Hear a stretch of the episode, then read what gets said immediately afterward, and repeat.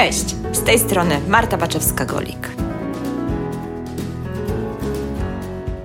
Rynek nieruchomości, biznes, inwestycje,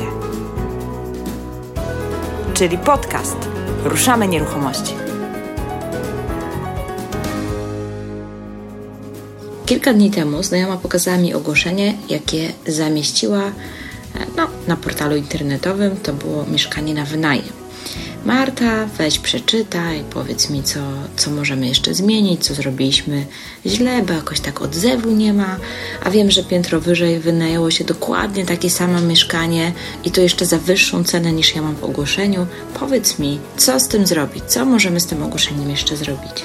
No więc czytam ogłoszenie i jest ono naprawdę urocze, ale ja osobiście nie wynajęłabym tego mieszkania od takiego wynajmującego. Dlaczego?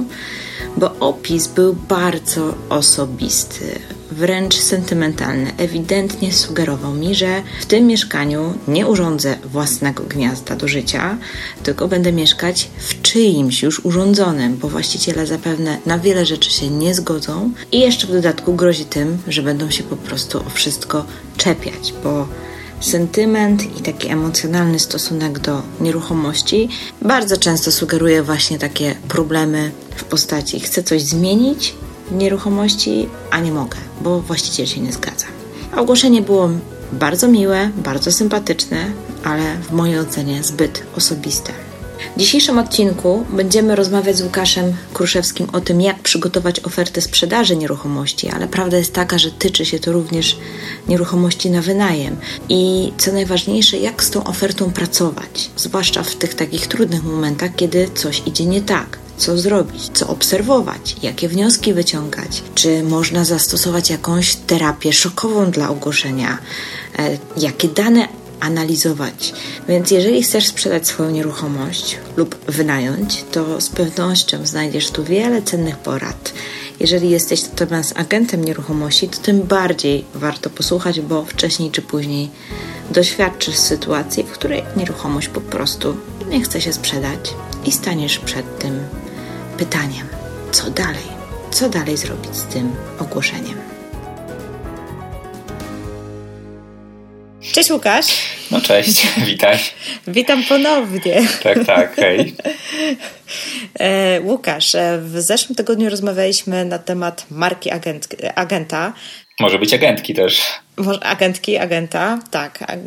Tak, masz rację, absolutnie się z Tobą zgadzam. Więc może powiedzmy na temat marki. Mhm, dobra. I i tak w sumie wspólnie doszliśmy do tego, że to jest y, tak coś troszkę więcej niż tylko wizerunek na zewnątrz, zewnętrzny, że ma to jakiś taki głębszy wymiar. Natomiast dzisiaj chciałabym, żebyśmy pokontynuowali temat. Być może już się nie skupiając na marce agenta, ale na marce oferty czyli jak ją sporządzić tak, żeby faktycznie mm, no, była skuteczna najzwyczajniej w świecie, zauważalna, dobrze wypromowana, żeby, żeby po prostu sprawiła, że każdy, kto wchodzi niemalże na listę wyświetleń na portalu, to teraz na to zwraca uwagę.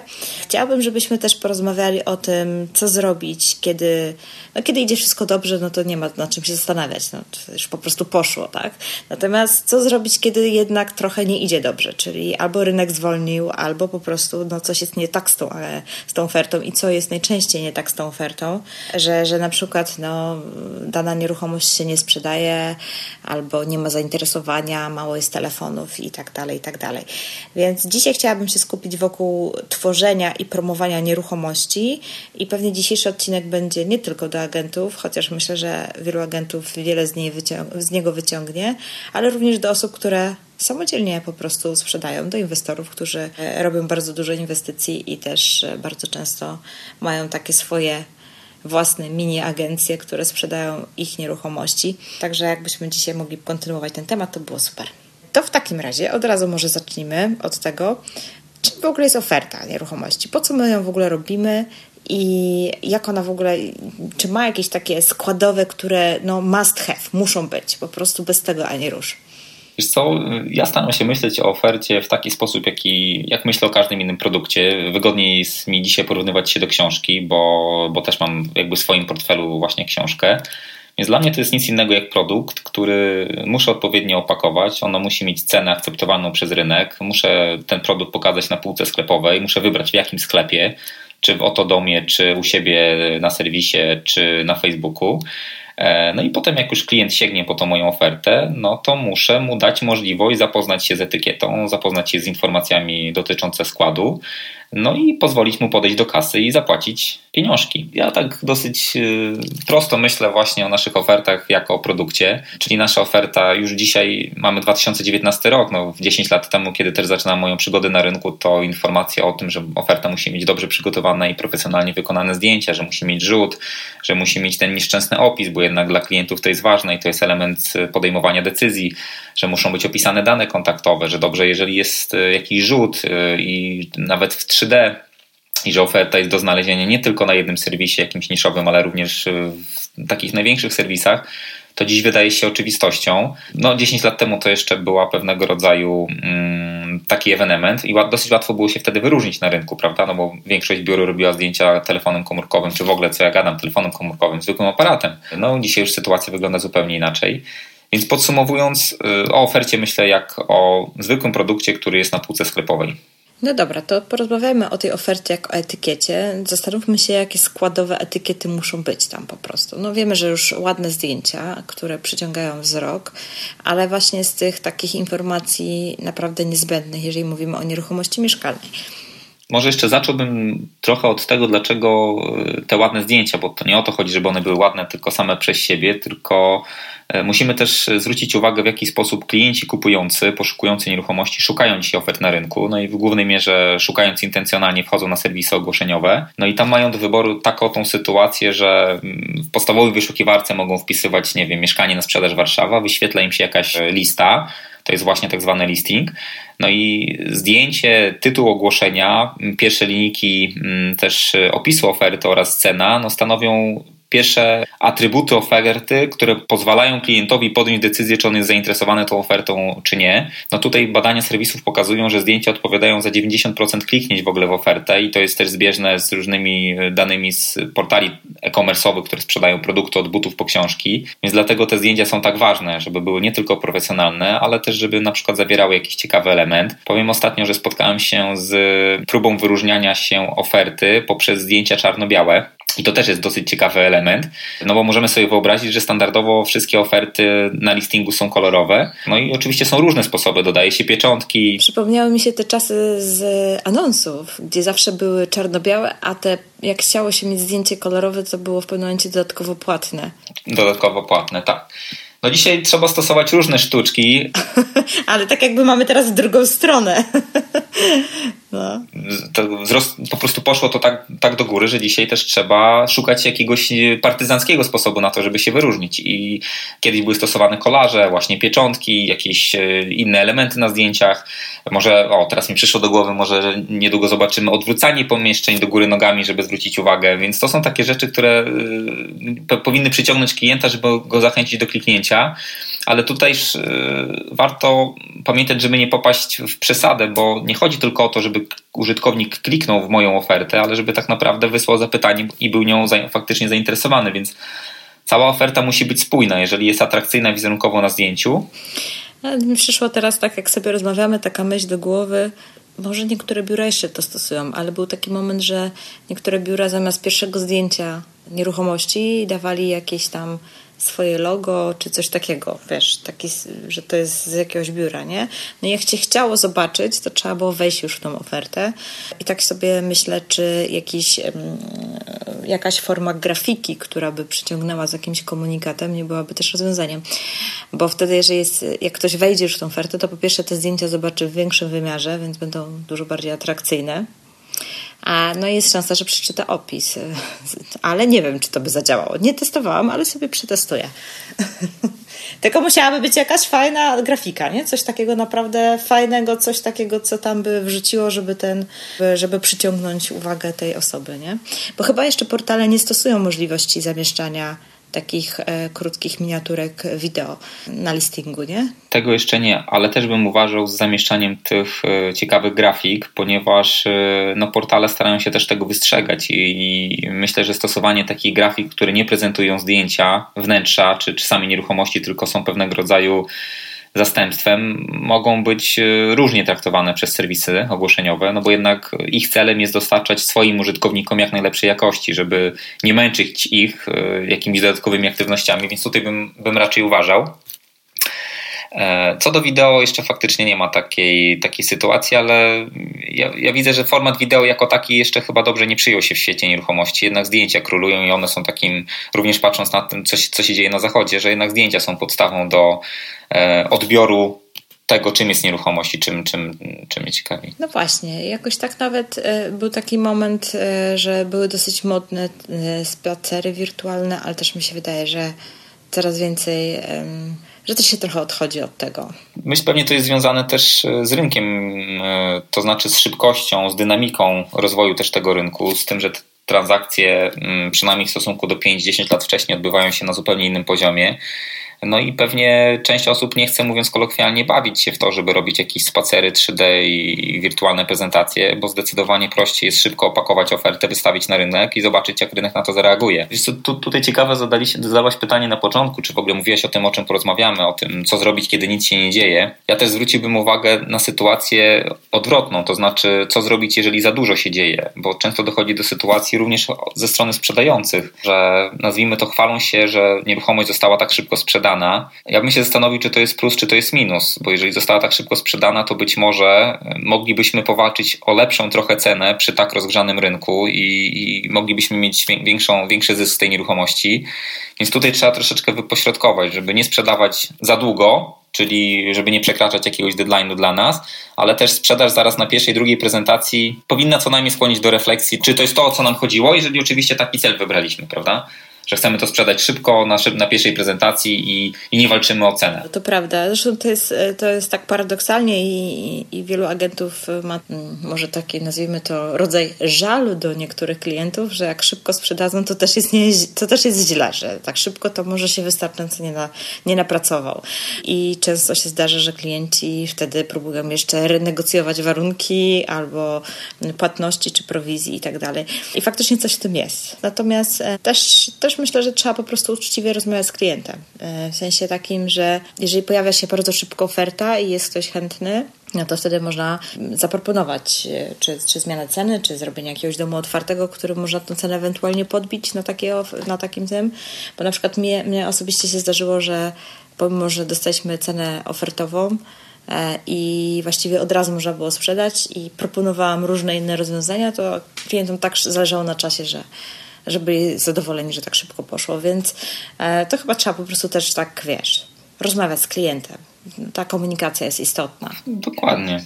Mhm. No, jeżeli mamy taki cel wybrany, że chcemy szybko sprzedać, bo nie wiem, czekamy na kolejną nieruchomość od dewelopera i musimy na przykład zadatkować, to pewnie nie ma co się patyczkować. Ale jeżeli jest sytuacja taka, że spokojnie możemy poczekać i nam się nie śpieszy, no to sprzedaż na pierwszej prezentacji może to, to nie jest to, co, co nam, na czym powinniśmy się skupić, może troszeczkę poczekać, prawda, żeby jednak powalczyć o tą wyższą cenę.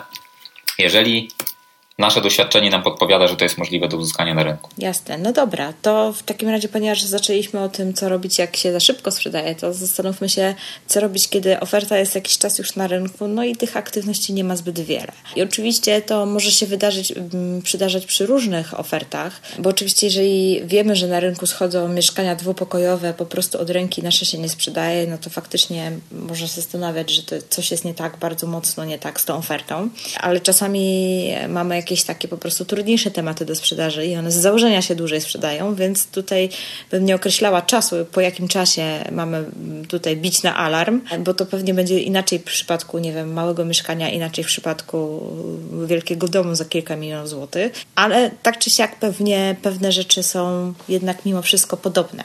Tylko prawdopodobnie ten, ten, ten taki czas, w którym już ten alarm nam się powinien włączyć, będzie dłuższy lub krótszy, w zależności od tego, jaki rodzaj nieruchomości sprzedajemy. Wszystko zaczyna się od pierwszej rozmowy z klientem i od analizy samej oferty i od analizy jakby jej pozycji, to znaczy już po wstępnych rozmowach po tym, co to jest zamieszkanie, jaki typ, jaka jest cena, jaki jest jego standard, możemy po prostu oscylować jej potencjalny czas sprzedaży i oczywiście odpowiednio reagować. Mm, jeżeli chodzi o to, co zrobić, kiedy nic się nie dzieje, e, nawet nie wiem, czy taki tytuł bezpośrednio nie jest właśnie w mojej książce poświęcony kilku takim technikom, e, ale ja e, tutaj bym proponował czy rekomendował opracowanie sobie po prostu takiego scenariusza czy takiej checklisty, co w sposób konieczny muszę robić, nawet w sposób niezależny od tego, jaki to jest typ nieruchomości. To znaczy, czy to działka, czy to dom, czy mieszkanie. To na pewno oprócz tego, że warto odświeżać taką ofertę, że warto zmienić zdjęcia, że warto zmienić zdjęcie z poziomego na no to pierwsza rzecz z takich prostych technik, no to jest wycofanie oferty na przykład na 3-4 dni, potem wpuszczenie jej na nowo. To jest jedna z rzeczy. Druga z rzeczy, no to jest wprowadzenie oferty drugiej jako duplikatu z inną lokalizacją. To też jest taka e, reorganizacja lokalizacyjna. Jest jeszcze mm, technika związana z tym, żeby powielić tą ofertę na 3-4 i osadzić ją w mm, jakby podobnych, w najbardziej chodliwych lokalizacjach z ukryciem lokaliz- e, ulicy tej pierwszej naszej oferty, żeby też sprawdzić, czy to jest kwestia tego, że na przykład na początku zawęziliśmy zbytnio nasz obszar. No i oczywiście potem są też takie kwestie czysto promocyjne, to znaczy czy wyróżniamy ofertę, czy w ogóle ją wyróżniamy, czy wyróżniamy na odpowiednim portalu i w odpowiedni sposób, czy na przykład promujemy ją na Facebooku, czy właśnie wykorzystujemy moc mediów społecznościowych. Oczywiście jest y, też y, jedną z dobrych strategii no to cena, tak, czyli element związany z tym, żeby zaniżyć cenę, na przykład o nie wiem 5 nawet do 10%, maksymalnie zobaczyć jak na to zareaguje rynek, co wcale nie znaczy, że jeżeli przyjdzie klient na taką cenę, to my po takiej cenie możemy sprzedać, ponieważ wtedy możemy zorganizować licytację w, w górę, no i finalnie skończyć na tej cenie, na której wyszliśmy, ale dzięki temu pobudziliśmy ruch i, i pobudziliśmy klientów, więc no, to jest takich od trzech do pięciu takich standardowych technik. Dobra. A to wytłumaczmy może dla osób, które nie bardzo rozumieją, jak, jak, jak działają e, portale i w ogóle ten system ogłoszeń. W jakim celu mamy wycofywać ofertę i potem ją ponownie zamieszczać. Co to daje? To daje efekt świeżości, wywołanie efektu świeżości, ponieważ jeżeli jest sytuacja taka, że nasza oferta jest już na rynku, nie wiem, miesiąc, dwa miesiące, ona z zasady opatrzyła się pewnemu, pewnej grupie klientów, i nawet jeżeli ją promujemy, to, to powoduje, że klienci automatycznie pomijają. To trochę tak jak ślepota banerowa. To znaczy widzą już tę ofertę kilka razy, widzą, że jest promowana, mogą dostawać sygnał, że właścicielowi zależy na sprzedaży, ale ona mi się nie podoba, więc automatycznie pomijają tę ofertę. I tutaj chodzi o to, żeby mm, dotrzeć też do nowych klientów, którzy w jakiś sposób widzieli tę ofertę z boku, ale nią się nie zainteresowali, ale przez to, że ona się pojawi w nowym otoczeniu, z innym tytułem opisu, z nowym, z nowym zdjęciem, z nową ceną, może wejść w taki strumień świadomości nowego klienta. I właśnie wycofanie takiej oferty, czasami nawet na tydzień, powoduje to, że ona trochę schodzi z rynku i klienci, którzy nawet do tej pory ją widzieli, jak ona się ponownie pojawi, mogą sobie zadać pytanie: OK, może ktoś się zarezerwował, teraz widzę, że jest y, nowa cena, może jednak warto się zainteresować, zapytać, może to jest mieszkanie godne uwagi. Czasami takie y, działania przynoszą efekt, czasami nie, trzeba stosować y, coś innego. Natomiast wycofanie oferty jest bardzo powszechne, bo ono daje ten efekt świeżości. Tylko to musi być związane z tym, że podmieniamy zdjęcia, podmieniamy tytuł, podmieniamy lekko opis, korygujemy naszą cenę i wtedy możemy osiągnąć efekt świeżości. Jasne, dobra. A te relokacje? czyli zamieszczanie ogłoszenia z inną lokalizacją. Z takimi sytuacjami ostatnio mam do czynienia e, pracując z Gdańskiem, z, z, naszym oddziałem. Tam często, jeżeli dom jest zlokalizowany w e, jakiejś miejscowości, gdzie w ogóle nie ma nazw ulic, E, bądź w ogóle czasami jest tak, że jest jakieś nowe osiedle z nową ulicą, ono nie jest jeszcze powszechne w takiej świadomości społeczności lokalnej, natomiast gdybyśmy e, pokazali, że mm, jakby podali ulicę bardziej powszechną, która znajduje się dosłownie obok, to dzięki temu więcej klientów kojarzy tą ulicę i po tej ulicy może wyszukiwać. I ono finalnie, oczywiście dana nieruchomość nie znajduje się na tej ulicy, którą podaliśmy, ale to jest tak, tak niewielka odległość, że klienci są w stanie zrozumieć pewnego rodzaju, nazwijmy to błąd, a my dzięki temu docieramy do, do większego grona. A, a czasami też jest kwestia trochę różnic administracyjnych. U nas na przykład w Olsztynie, jeżeli mamy mm, dzielnicę Jaroty, do której wchodzi taka dzielnica umownie nazywana jak Hamburg, czy, czy właśnie na przykład, in, in, dzielnica, nie wiem, Nowe Jaroty, no to ja sprzedając mieszkanie na Hamburgu, kolokwialnie mówiąc, nie zaznaczyłbym, że to jest Hamburg, bo jednak jest mniejsze prawdopodobieństwo, że potencjalnie klienci będą szukali na Hamburgu niż jednak Jaroty jako duży worek. I to ma, e, to ma na celu ta relokacja, czyli jeżeli podsumowując, mam taką ofertę, która jest w wąskiej lokalizacji mało znanej, to dodaję tą ofertę oczywiście w tej lokalizacji jako ogłoszenie podstawowe, ale duplikuję tą ofertę i rozszerzam na lokalizację bardziej znaną, żeby dotrzeć do większego grona odbiorców. Okej, okay, super. Co, e, jakie tam mieliśmy jeszcze techniki? E, relokacja, wycofanie? Wiesz co, no, bardzo fajną techniką i taką najpowszechniejszą jest oczywiście zmiana ceny. Cena czyni cuda. To, co jest ciekawe w zmianie ceny, to można dodać pewnego rodzaju upgrade, żeby nie zmieniać ceny z 295 na 289, ale spróbować zmienić na 284 500, czyli e, pobawić się troszeczkę końcówkami, tak żeby też ten element końcówki ceny na listingu, gdzie jest 10-15 ofert, spowodował, że klient akurat zwróci uwagę na naszą ofertę, a dwa, też y, oferta z taką ceną, czyli na przykład z końcówką 284 500, wysyła komunikat do, do potencjalnego klienta, że to mieszkanie jest bardziej sprawiedliwie wycenione. Tak to możemy umownie nazwać. Okej. Okay. A powiedz mi o, z, twojego, z Twojej praktyki, o ile obniżać cenę? W ogóle bo są takie obniżki, które, które, które w ogóle tak naprawdę wiemy z góry, że nie mają sensu. Nie? Gdzieś tam, no nie wiem, ja już po prostu czuję, że niektóre rzeczy właściwie nic nie dadzą, nic nie zmienią po prostu, e, jeżeli obniżymy, tak? A jak obniżać, to o ile? Żeby to faktycznie było jakoś odczuwalne. Bo ja na przykład też nie jestem fanką takiego stopniowego obniżania. W sensie takiego, że wiesz, tu 2000, za, za tydzień 3000, wiesz, takie, takiego dziobania, e, nazwijmy to. Że to, że, że jak ta kwota obniżki jest na tyle niewielka, że nie robi tak naprawdę już różnicy dla kupującego, czy zapłaci 3000 więcej, czy mniej. No bo to oczywiście zależy od kwoty transakcji, tak? to po prostu to, tak to nie wpływa, takie przynajmniej jest moje doświadczenie. Myślę, że dla kupującego pewnie masz taką praktykę, 1000 zł robi e, znaczenie nawet 500 zł. No, zależy oczywiście na jakiej kwocie, tak? No bo jeżeli mamy jakąś tam nieruchomość, e, nie wiem, do 100 tysięcy złotych, to pewnie każdy tysiąc ma, różni, ma znaczenie, nie? Przy, przy na przykład, nie wiem, mieszkaniu za 800 tysięcy, to jak zrobię obniżkę o 2000, to, to, to tak wiesz.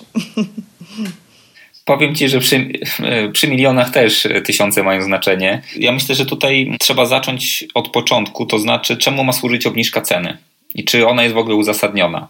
Bo jeżeli ona ma służyć tylko samej obniżce, bo nie mamy innego pomysłu na to, że oferta się nie sprzedaje, bo na przykład w ogóle nie przeanalizowaliśmy, jakim ona cieszy się zainteresowaniem, ile mamy zapytań, bo to też jest trochę taka zmora pośredników, że mm, nic się nie dzieje, w dużym skrócie mówią, ale nikt nie zweryfikował, ile było wyświetleń na przykład danej oferty na wszystkich serwisach, czy były jakieś zapytania, czy były wysłane formularze, bo to dopiero i, i to jeszcze fajnie porównać do ofert podobnych, na przykład jeżeli mam w bazie, to jest dopiero jakaś informacja, która nam mówi, że no jeżeli podobne oferty cieszą się zainteresowaniem, ja miałem pięć telefonów, a na tej żadnego, no to pytanie, czy powodem jest cena, a, ja, a powodem może być to, że ta oferta, nie wiem, ma tak nieatrakcyjne zdjęcia, czy w ogóle opis jakiś niezachęcający, czy w ogóle jest może w takiej lokalizacji położona, że jednak większość klientów w ogóle jej nie zauważa. Ona wyświetla się, ale nikt nią nie klika.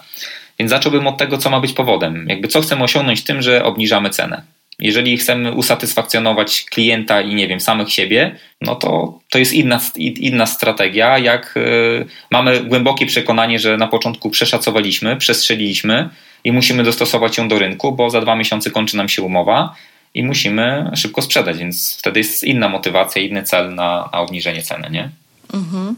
Ale zahaczyłeś o bardzo fajny wątek związany z analizą danych. E, różne portale mają, udostępniają różne informacje o ofercie, ale może spróbujmy jakoś to tak, wiesz, usystematyzować i powiedzmy, na co warto zwracać uwagę i co dana e, dana, dane zestawienie statystyczne, jaką informację może nam tutaj e, pokazać i, i dostarczyć to myślę, że są cztery dane, na które warto zwracać uwagę, które są istotne. Pierwsza dana to jest e, lista wyświetleń, czyli ile razy moje ogłoszenie wyświetliło się na tak zwanym listingu, Czyli jeżeli ktoś wpisze Warszawa, mieszkanie na sprzedaż i wyświetli się 20 ofert, w tym jedna moja, no to już moje ogłoszenie notuje tak zwaną jedną, jeden punkt, czyli raz pojawiło się na tej liście wyświetleń, to jest pierwsza dana.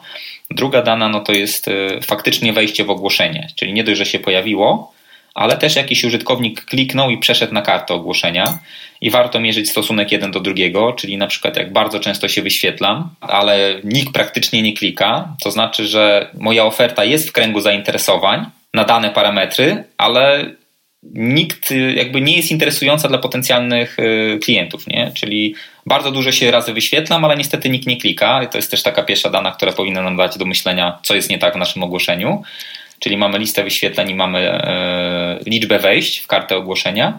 No i potem dwie dane, które już są wprost e, miarodajne i takie przekładane na sprzedaż, czyli liczba kontaktów, liczba, liczba wysłanych formularzy przez zapytaj ofertę i, liczba kliknięć w pokaż numer, jeżeli ktoś, a jeżeli ktoś mierzy efektywność swoich działań, czyli ma wirtualne numery podstawione pod swoje ogłoszenia, to akurat polecam inwestorom, którzy nie mają zbyt dużej bazy ofert, czyli na przykład, nie wiem, mają w portfelu może 5-6 na przykład mieszkań, które, którymi flipują i mogliby sobie właśnie zrobić wirtualne numery, dzięki czemu mogliby bardzo precyzyjnie mierzyć potem, jaki mają wzrost z inwestycji.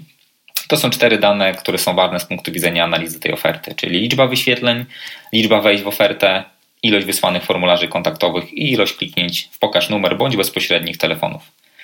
I też takie dane pozwalają nam porównywać portale między sobą czy, czy różne media.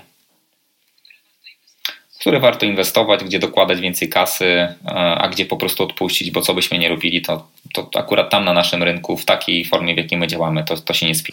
Tak, tym bardziej, że jeszcze tak jak biura nieruchomości, załóżmy czasami takie nieefektywne portale utrzymują no, żeby mieć po prostu pakiet portali, e, na których wyświetlają ogłoszenia i, i, mieć się czym chwalić przed, przed klientami, że są i tu, i tu, i tam, to może mieć to uzasadnienie. Tak jak tak dla inwestora to nie ma żadnego znaczenia, powinien inwestować tylko w ten portal, który jest skuteczny. E, na jego rynku, w jego lokalizacji, tam gdzie ma nieruchomości, tak? E, także naprawdę nie ma sensu utrzymywać ogłoszeń na portalach, które nie dostarczają lidów konkretnych.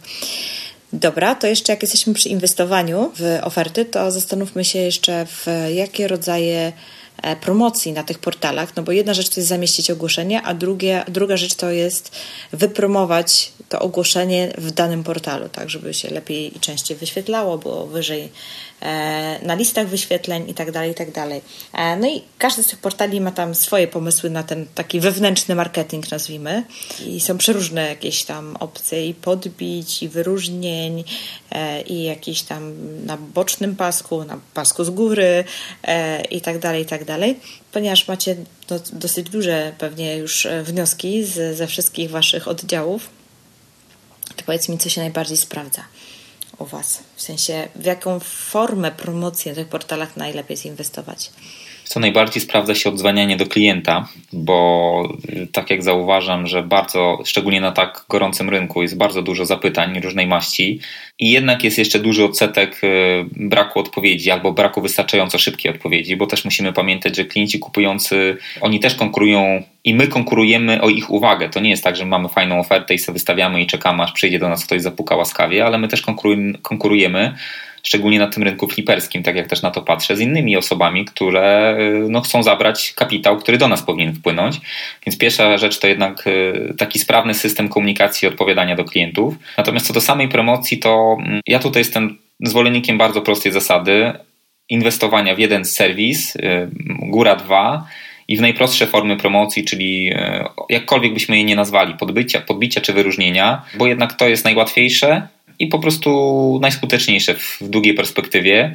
Wszystkie mm, jakieś wyróżnienia właśnie na pasku bocznym, tak jak to powiedziałaś, czy na stronie głównej, czy jakkolwiek inaczej bym sobie darował, zrobiłbym miks wyróżnień, po prostu takich podbić oferty promocją na Facebooku, ze sprawną promocją na Facebooku, ponieważ to jest potężne narzędzie sprzedażowe mm, zarówno komunikacji ofert w jakichś grupach docelowych, typu mieszkania na sprzedaż dla, dla lokalnych społeczności, jak i bezpośredniej promocji na Facebooku. To są niewielkie pieniądze, a można z tego mieć naprawdę e, dużo lidów.